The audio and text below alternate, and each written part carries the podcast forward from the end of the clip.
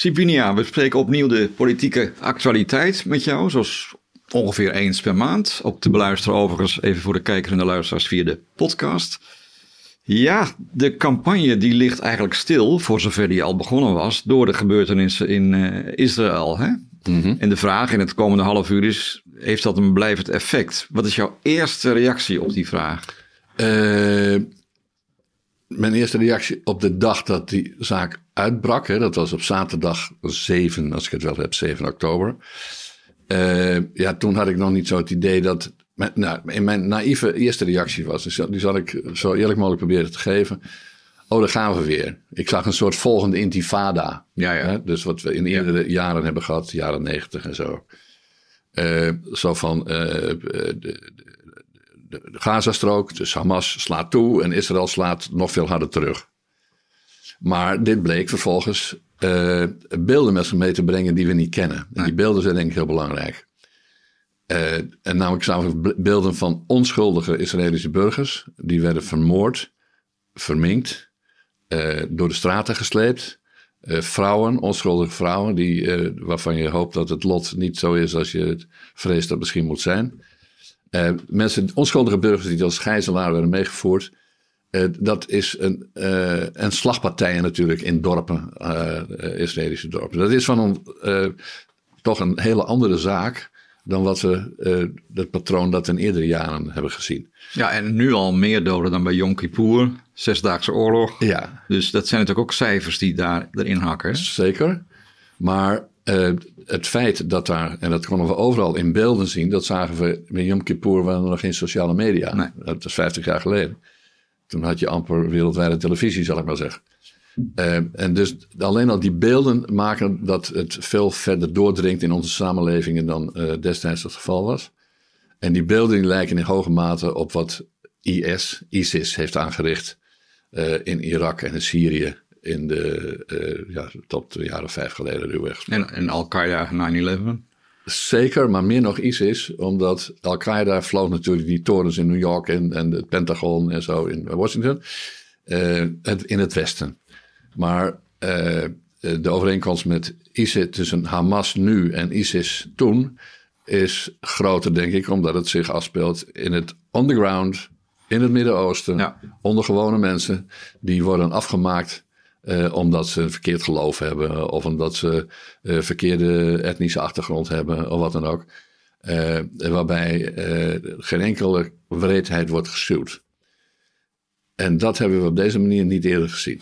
Nou ja, ik dus- noem 9-11 ook omdat we het eerder erover hebben gehad dat dat soort grote gebeurtenissen, net als in 2001, 2002, een enorme invloed op de campagne kunnen hebben. Kun je die parallel trekken nu? Ja, nee, ik denk in hoge mate. Ik denk in hoge mate. Uh, dat heeft grote invloed op. De overeenkomst is dat het grote invloed heeft op de, de, de samenleving. De gesteldheid van de samenleving. Uh, en alle thema's die gerelateerd zijn. Uh, of die als gerelateerd worden ervaren. Dus ook immigratie, integratie, islam, de alle I's, zal ik wel zeggen.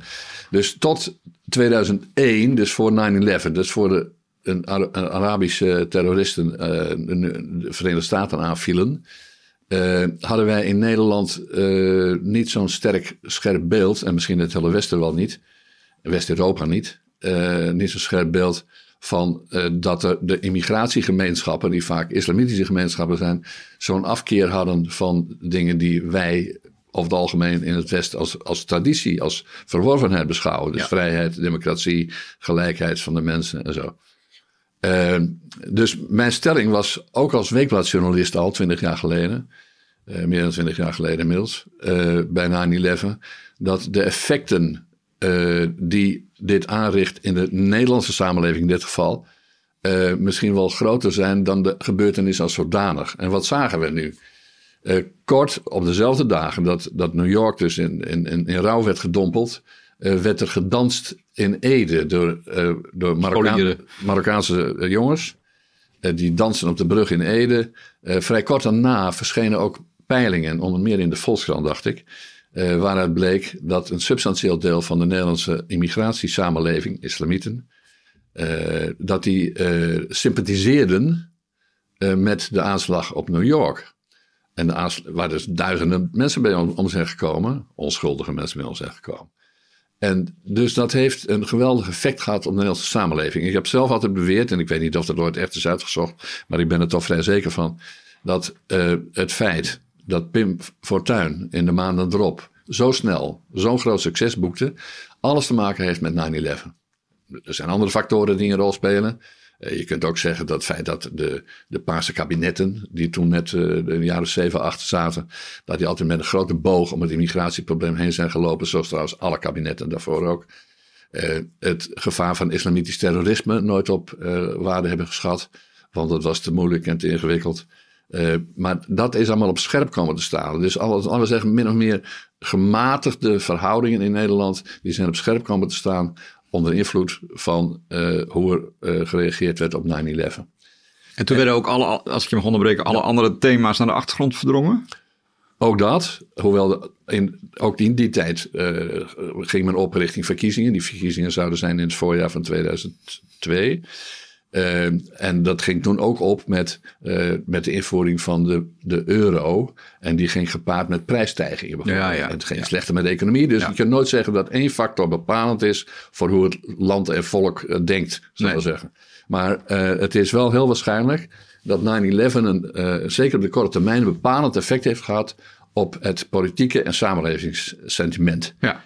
En, en dat gaat ook verder. Je kunt, hebt, hebt kunnen zien toen destijds dat eh, het kabinet, die kreeg de kabinet een Balken en de 1 en 2, en die gingen meteen, dat is bijna iedereen vergeten, eh, vrij vergaande maatregelen treffen eh, op het punt van immigratie. En dat ging in die tijd niet per se over asiel, dat ging met name over de huwelijksmigratie. En wat was dat huwelijksmigratie? In belangrijke mate die uit Turkije en Marokko. Dus de kinderen, de nazaten van de gastarbeiders uit islamitische landen. Eh, ik, ik nader nu een bijna onaanraakbaar thema, dat destijds nooit beschreven, maar er zijn heftige maatregelen ingevoerd die heel verrijkend waren. Tot die tijd ging driekwart, ik zeg maar in, uit mijn hoofd, maar in die orde. Driekwart van, van de huwelijken waren immigratiehuwelijken. Vaak eh, ongeletterde vrouwen of mannen die werden geïmporteerd uit, eh, uit, uit Turkije en Marokko. In ieder geval, dat leidde dus tot import van ongeletterdheid en armoede. Maar uitgerekend die groepen, de islamitische immigratie, die werd heftig eh, en, en vrij doeltreffend aangepakt. Dus binnen een paar jaar eh, moesten die, eh, die bruiden en die bruidegommen aan hele hoge eisen voldoen.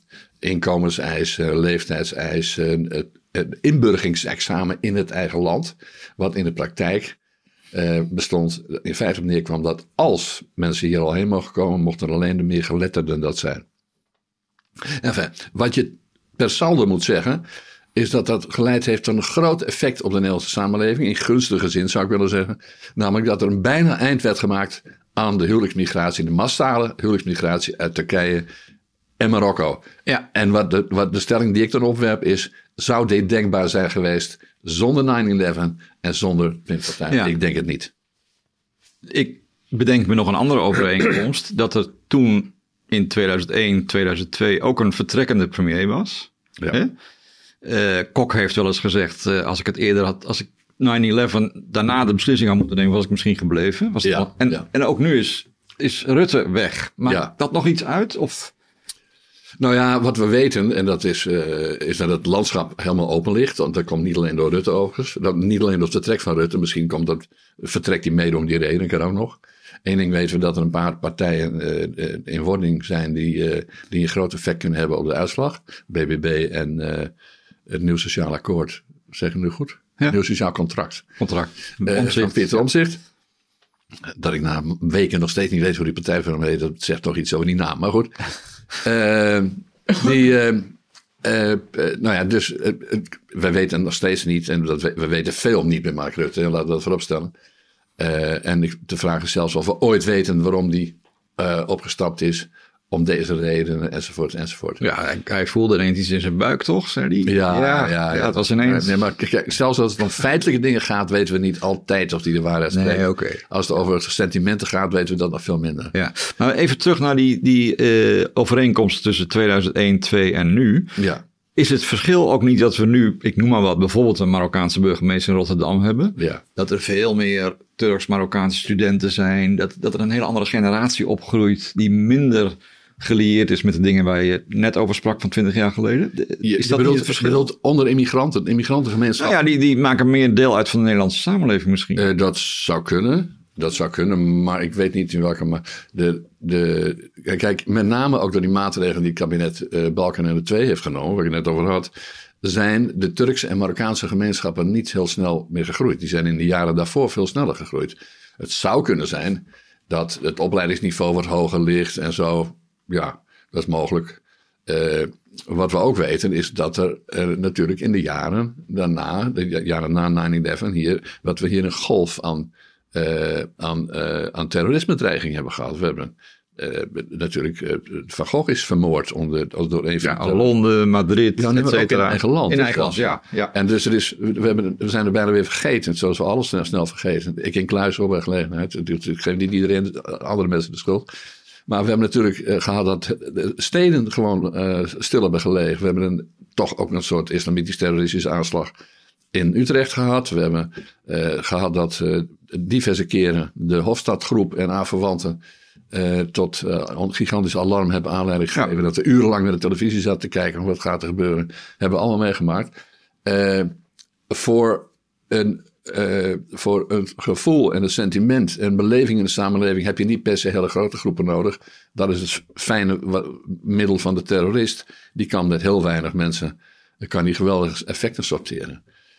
Ik weet niet of, nou goed, ik heb Nou ja, waar het me even om gaat is dat, dat je tot nu toe, voor zover mijn waarneming strekt, niet de verhitte discussies hebt gehad die je na, vlak na 9-11 hebt gehad.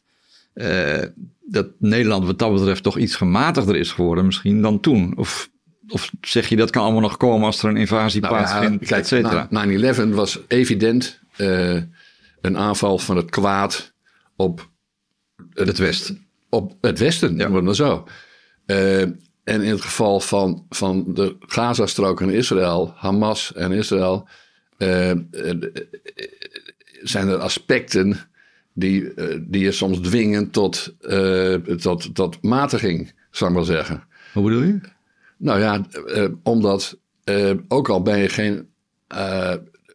ik sympathiseer in zekere mate met de, met de Israëlische staat. Maar ja, ik sta ook niet eh, te juichen als ze, als ze daar eh, hele blokken om gaan schieten in, eh, in, in Gaza, zou ik maar zeggen. Dus dat, het, het, het beeld is in deze zaak, deze casus, diffuser dan de 9-11. Waarom, dat, dat kun je op geen enkele manier, tenzij je aanhanger was van, de, van, de, van het wereldkalifaat, kon je eh, voor die aanslag op New York zijn. En de wraak vond ook plaats in Afghanistan, heel ver weg. Hè? Ja, en, snel precies. Ja. En, en, en, en, eh, precies. En we zijn er trouwens ook wel weer vertrokken inmiddels. Ja. Wa- Wat, Nee, maar wat, wat, trouw- nee, wat, wat trouwens een interessante illustratie is van het feit dat fanatieke gelovigen een langere adem hebben. Dus Ja, ja. Een, lang- een langere adem hebben dan, eh, De dan Taliban bedoel je, ja. de Taliban. Ja. En Taliban is natuurlijk uiteindelijk, er verschilt niet veel van Hamas en van het, eh, van het, eh, het eh, en IS en het, eh, en het regime in eh, Teheran. Ja, nou hadden we net even voordat we deze opname begonnen even een kleine discussie. Want ik, ik zei van god, dat, dat gezeur over die vlaggen, moet dat nou? En dat is morgen even vergeten. Toen zei jij nee, daar, daar zit iets diepers onder. Hè? Dat de ene stad wel de Israëlische vlag hijst. Of, nou, Palestijnse vlaggen zijn geloof ik niet gehezen. En dat Rutte meteen de Israëlische vlag ophangt. In Rotterdam doen ze niet mee, in Amsterdam wel. ja. Ja, wat zit daar dan achter volgens jou? Nou ja, vlaggen zijn natuurlijk, die, die bestaan niet zomaar. Vlaggen zijn begonnen als strijdvlaggen, dat hebben we niet vergeten. Dus vlaggen zijn identiteiten. Ja, Ja. precies. Dus vlaggen zijn identiteiten. Dat, is, eh, dat, dat toon je of mee van welke strijdgroep je bent, of je laat blijken met wie je solidariseert. Ja. Eh, dus eh, als dat ter discussie komt te staan, dan is dat op zijn minst wijst dat op een verdeeldheid. Daarmee heb ik nog niet alle, alle analyses gemaakt, maar het, het, en als er discussie over ontstaat, zelfs tussen, ja, nog net niet tussen leden van de regering, maar eh, het, scheelt niet veel. Eh, dus de burgemeester van Rotterdam, dat vind ik eh, natuurlijk interessant, die is in belangrijke mate groot geworden als wethouder in eh, Amsterdam, Abu Taleb Tijdens Van Gogh ook, hè? tijdens Van Gogh. Dus die was buitengewoon streng als wethouder, eh, eigenlijk strenger dan de toenmalige burgemeester Cohen. Dat werd een theedrinker gevonden. En Abu Taleb, die zei van als je het land niet bevalt, had hij over zijn eigen collega Marokkanen. En dan donder hij maar op. Ja. Dat heeft hem grote populariteit opgeleverd. En, dus, en het, het PvdA in Amsterdam veel stemmen. Hij eh, haalde namelijk meer stemmen bij de verkiezingen, Abu Talib, eh, dan de lijsttrekker. Eh, en eh, dat, eh, dat, nou goed, dat heeft hem dus in feite zijn carrière opgeleverd. Hij is als Marokkaan, die streng is van Marokkanen en van moslims, collega-moslims, burgemeester van Rotterdam geworden, kun je zeggen. En hij, is ook, hij, heeft ook hij was ook solidair met, met iedereen die opkwam tegen, voor de slachtoffers van Bataclan bijvoorbeeld. En tegen die achtergrond heb ik me wel enigszins verbaasd over deze keuze van, van, van Om, om niet de. Israëlische vlag op te hangen, bedoel je? Oh, precies. Ja. Eh, en kijk, als hij dat dan als, als, als enige wel zou doen, dat heb ik misschien nog begrip voor. Maar het is, hij wil ook nog nadrukkelijk tot degene die het niet wilde. Hij heeft ook een brief gestuurd eh, aan de gemeenteraad, neem ik aan. En in die brief zegt hij interessante dingen. Eh, hoewel hij misschien meer vragen oproepen dan antwoorden geven. Hij zegt van ja, eh, ik wil polarisatie voorkomen. Want we hebben een diverse samenleving en moeten we polarisatie vo- voorkomen. Nou, wat is daar bijzonder aan? Die, die, die diverse samenleving, die heette tot voor kort de multiculturele samenleving. En die moesten we toejuichen. Dat was een grote verrijking. Dus ook de stad Rotterdam en ook hij, Abu Talib, die ging praten op de 200 nationaliteiten die hij had en zo. En dat was allemaal een verrijking. Maar wat lees je hier? Hij zegt dat niet. Maar die diverse samenleving is dus een polarisatiebron. Nou, dat, dat, dat, is dat zegt hij weliswaar niet, maar dat, dat, dat is de implicatie. Ja. Dus eh, eh, anders gezegd, de verrijking is een gevaar. Dat lijkt me een interessante waarneming om die te doen. Ook al trekt hij die conclusie niet. Dat is één. Ten tweede beschrijft hij in die brief eh, dat hij kennelijk om die polarisatie tegen te gaan is gaan praten met religieuze gemeenschap. Hij zegt niet met welke religieuze gemeenschappen, maar je, mag vermoeden dat dat de Joodse en, en islamitische gemeenschappen zijn. Maar dat is ook interessant, want eh, als er dus kennelijk polarisatiegevaar is, dan speelt ze dus kennelijk dat af in die religieuze Langs sfeer. religieuze lijnen, ja. Ja, Ja. eh, terwijl eh, wij dachten toch dat het ging over het solidariseren of niet solidariseren met de Israëlische slachtoffers. Dus er worden hier allemaal begrippen door elkaar gehaald en niet uitgelegd. En dat zegt veel over het ongemak eh, en de, de, de in feite diepe verdeeldheid die over deze thema's zich aftekent. Ja, en ook in zijn eigen partij, hè, Partij Verenigd, van de Arbeid. Verenigd Links, ja. waar ook eh, wat kritiek was op de steunbetuiging aan Israël van eh, Klaver en Timmermans. ja. Eh, en waarbij Segers... Die hadden namelijk gezegd dat, de, dat Israël het recht had om terug te slaan. Ja, Of zich te Ja, verdedigen. Te verdedigen. Ja. ja. Eh, waarbij Segers, die natuurlijk heel erg aan de kant van. Israël staat, vanmorgen, Ja. wanneer, wat is het vandaag, woensdag, eh 11 oktober nemen we dit op, zei, waar is het moreel kompas van de Partij van de Arbeid GroenLinks? Die wil natuurlijk een uitgesproken eh, hand voor Israël. Ja, nou ja, en, en in ons, we hebben natuurlijk een hele, een hele, een hele opbouw aan eh, moreel superieur redeneren in Nederland, waarbij de ChristenUnie zichzelf bovenaan de top zet. Hè, laten we dat niet vergeten. Dus het afrekenen, een kleine partij die anderen afrekent Ja, ja. op morele zuiverheid, dan kun je wel terecht bij, bij de ChristenUnie. Maar goed, nu even terug naar, want wat zijn dat dan eh, vooral GroenLinks mensen die traditioneel toch veel begrip hebben voor het Palestijnse standpunt? Ja. En misschien minder in de Partij van de Arbeid. Is dat een stuiptrekking van die fusie nog? Of wat? Oh nee, ongetwijfeld. En die fusie is, is, het is natuurlijk geen fusie. Het is, het is in feite een, samenwerkingsverband. Het is aan elkaar gemetseld, maar daarmee eh, zijn ze nog niet zo... eh, Dat staat ook om en om op de lijst, hè? heel eh, ja, ja, mathematisch. Ja. Nou ja, wat, wat trouwens, dat heb ik je eerder gezegd, eh, een geweldige jump is voor, voor GroenLinks natuurlijk. Als je kijkt dan nog maar een paar jaar geleden, eh, de PvdA vier keer, drie, vier keer zo groot was als GroenLinks. En nu is het, eh, eh, wordt het eh, om en om. Ja. nou, dan eh, weet ik wel wie de winnaar is. Nee, ik denk dat, dat je kunt, eh, dat hebben we ook een beetje al gezien in een Kamerdebat eh, recentelijk. Eh, wat zo'n beetje aftekent, eh, is dat er partijen zijn die, eh, waarbij het ongeveer duidelijk is met wie ze sympathiseren, met wie ze loyaliteit vertonen. En eh, er zijn partijen eh, die verdeeld zijn. Ja. Nou, die verdeeld, daar hebben we het al even over. Daar komen zo meteen op terug, denk ik. Eh, dus de extreme, de meest extreme zijn eh bijeen en denk. Uh, dus bij één is een van origine overwegend Surinaamse partij die ook, uh, laten we zeggen, allerlei ultra-linkse opvattingen heeft en daarmee dus ook woke-achtige dingen. En dan zijn ze ook voor de Palestijnen. Uh, dan heb je Denk, wat van origine een Turkse partij is. De Turkse partij van de partij van Erdogan. En Erdogan is eigenlijk van het Turkse moslimbroederschap. En Hamas is een militante afdeling van de Egyptische moslimbroederschap. Dus dat, al die dingen moeten we goed in de gaten houden. Uh, en dat gebeurt in Nederland wel te weinig. Uh, dan, en de meest heftige is denk ik trouwens, denk ik, bij één, want die heeft nog vrij opzichtig gesolidariseerd met Hamas. Dat hebben we denk ik niet in die mate gezien. Maar in ieder geval, dat gaat om vrij perifere partijen. Maar goed, je kunt klein zijn en en, en, en, en, verbonden zijn met dreigende krachten, eh, waardoor je toch je invloed groter is. Uh, de meeste partijen die als rechts worden gezien, die, uh, die worden wel geleerd aan Israël.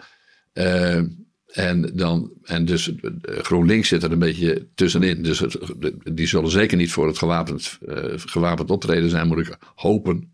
Maar dus zijn niet voor Hamas, ben, hoop ik, voor, voor GroenLinks. Maar maar uh, we hebben wel begrip voor het optreden, want ze zijn allemaal zo zielig, zal ik maar zeggen. Dat maakt dat de combinatie van uh, PvdA en GroenLinks in een lastenpakket zit. De PvdA zelf trouwens natuurlijk ook altijd al, laten we dat niet vergeten. Uh, de PvdA sympathiseerde vroeger uh, misschien wel meer dan wie dan ook in Nederland, praat ik over 50, 60 jaar geleden, met Israël. Want wie was altijd aan de macht in Israël? Labour. De, de PvdA was in Israël. De Arbeiderspartij. De Arbeiderspartij. Ja, ja. Uh, dus dat alleen al maakte dat de PvdA uh, sterk Israël, pro-Israël was. In overgrote mate. Dat is in, vanaf de jaren zeventig gaandeweg afgekalfd. En zodanig dat als Bert Koenders, als minister van Buitenlandse Zaken, naar, naar het Midden-Oosten ging, dan ging hij zeker ook altijd naar de Gazastrook. En zo. Daar kon je toen nog in, ja. Blijkbaar. Ja, ja, nee, zeker. Ja, ja, ja. ja. maar uh, sympathiseren met, met heftige bewegingen. Dat zou de PvdA niet hebben gedaan. En goed, je ziet nu dat de PvdA, de PvdA GroenLinks-combi, Verenigd Links, ook wel genoemd. Dat, dat er verschillende namen voor bestaan, is ook al trouwens een teken aan de wand. Maar goed, die hebben hier een serieus probleem. Want dit thema waar we het nu over spreken, dat kan de, in de komende weken, in de run-up naar die verkiezingen, uh, dat gaat een rol spelen, ook in indirecte zin. Dus het raakt het thema asiel bijvoorbeeld. Het raakt het thema integratie.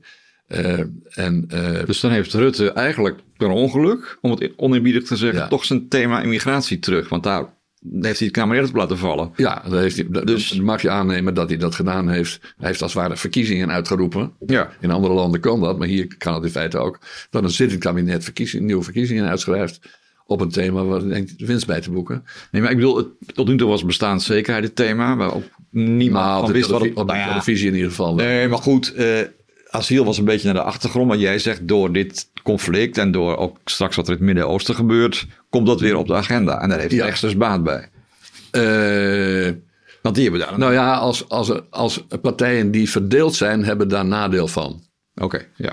En als er één partij verdeeld is op het thema, is het de, de, partij die pas aan elkaar gelijmd is. Uh, en, en, en ja, die hebben hier hinder van. Die, ja. die krijgt ruzie. Oh, de ruzie blijkt al. Uh, dus uh, dat, dit is geen opsteker voor Verenigd Links, want het is niet zo verenigd. Dat is het punt eigenlijk. En, maar om op jouw punt terug te komen ook. de thematieken, wat gaat nu spelen? Nou, dit, dit gaat gewoon een geweldige rol spelen ik weet niet in welke mate, hangt ook wel van, van, van het verloop van de oorlog. Ja. Hoe lang dat duurt, of dat misschien per ongeluk toch nog snel ophoudt, je weet het niet. Maar dit, we, leven in een belangrijke mate beeldgestuurde samenleving. En als er vervelende, ergerlijke en hoe heet het, sentimentgedreven beelden uit het Midden-Oosten deze kant op komen, dan hebben niet invloed op de verkiezingen. Zo simpel is het. En bovendien is het nou gelieerd aan andere uh, thema's, dus zoals de, de immigratie.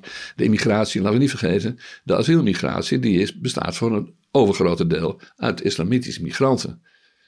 Uh, En als het nou zo is, zoals wel vaker gebleken is, dat mensen de opvattingen die, die ze in die landen hebben, eh, gewoon meenemen hierheen, ja, dan is dat een factor die je leeft. En daarmee kom ik terug op, de, op 9-11. Wat is volgens mij het grootste effect geweest? Niet 9-11 als zodanig, maar het feit dat hier uh, uh, Marokkaanse jongens en uh, stonden te dansen op de brug in Ede vanwege de aanslag op het Westen. En, dan komen we, en dat is ook een ruimer ding. Dat, niet dat iedereen is doorgedrongen, maar we hebben hier met Hamas niet alleen te maken met een aanslag op Israëlische dorpen. Zij vinden Israël, Israël de bezetter. Nee, Hamas die wil de vernietiging van Israël. Maar die willen ook de vernietiging van het Westen. Die willen de, die willen wereldheerschappij. Ja. Die willen de wereldheerschappij. Die willen gewoon uh, het internationale kalifaat.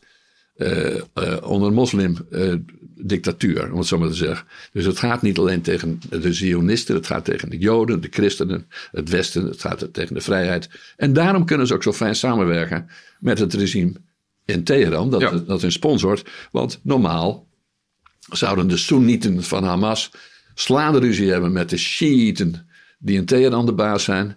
Maar bij dit overheersende thema, bij dit overkoepelende thema van het slaan van het Westen en het, uh, het, het, het, afschaffen van een democratie en al die andere dingen. Uh, en de gelijkheid van man en vrouw bijvoorbeeld. Uh, kunnen ze het fantastisch vinden met. ja, nou ja, enfin, dat. Dan kom ik even weer terug op ja, ja. de vraag die je eigenlijk stelde. Wat zijn de thema's voor de verkiezingen? De situatie was, zou je kunnen zeggen, een, een tijdje geleden, dat het grote debat ging over stikstof. Uh, het ging over klimaat, want wij waren allebei op beide punten wereldkampioen. Ja. Dus dat wil zeggen, het kabinet vond dat we dat moesten zijn, maar niet iedere Nederlander vond dat. Uh, dat was niet, niet toevallig dat bij de statenverkiezingen in maart uh, de boerenpartij tussen namelijk ja. de verkiezingen won. wat we al zagen, is dat, dat asiel nooit helemaal weg is. Dat staat eigenlijk permanent bovenaan in de lijst ook al wordt dat niet altijd herkend. En daar kwam dus in de loop van de zomer met name wat men noemde bestaanszekerheid bij. Dus armoede in Nederland. Dat werd trouwens ook door Pieter Omtzigt uh, gepusht, dat idee. En de PvdA die ging weer terug die kant op. Het kiezen voor bestaanszekerheid betekent dat je wat minder kiest voor klimaat en stikstof. Hè? Financieel, ja. Ja, maar niet alleen financieel, ook thematisch. Ja.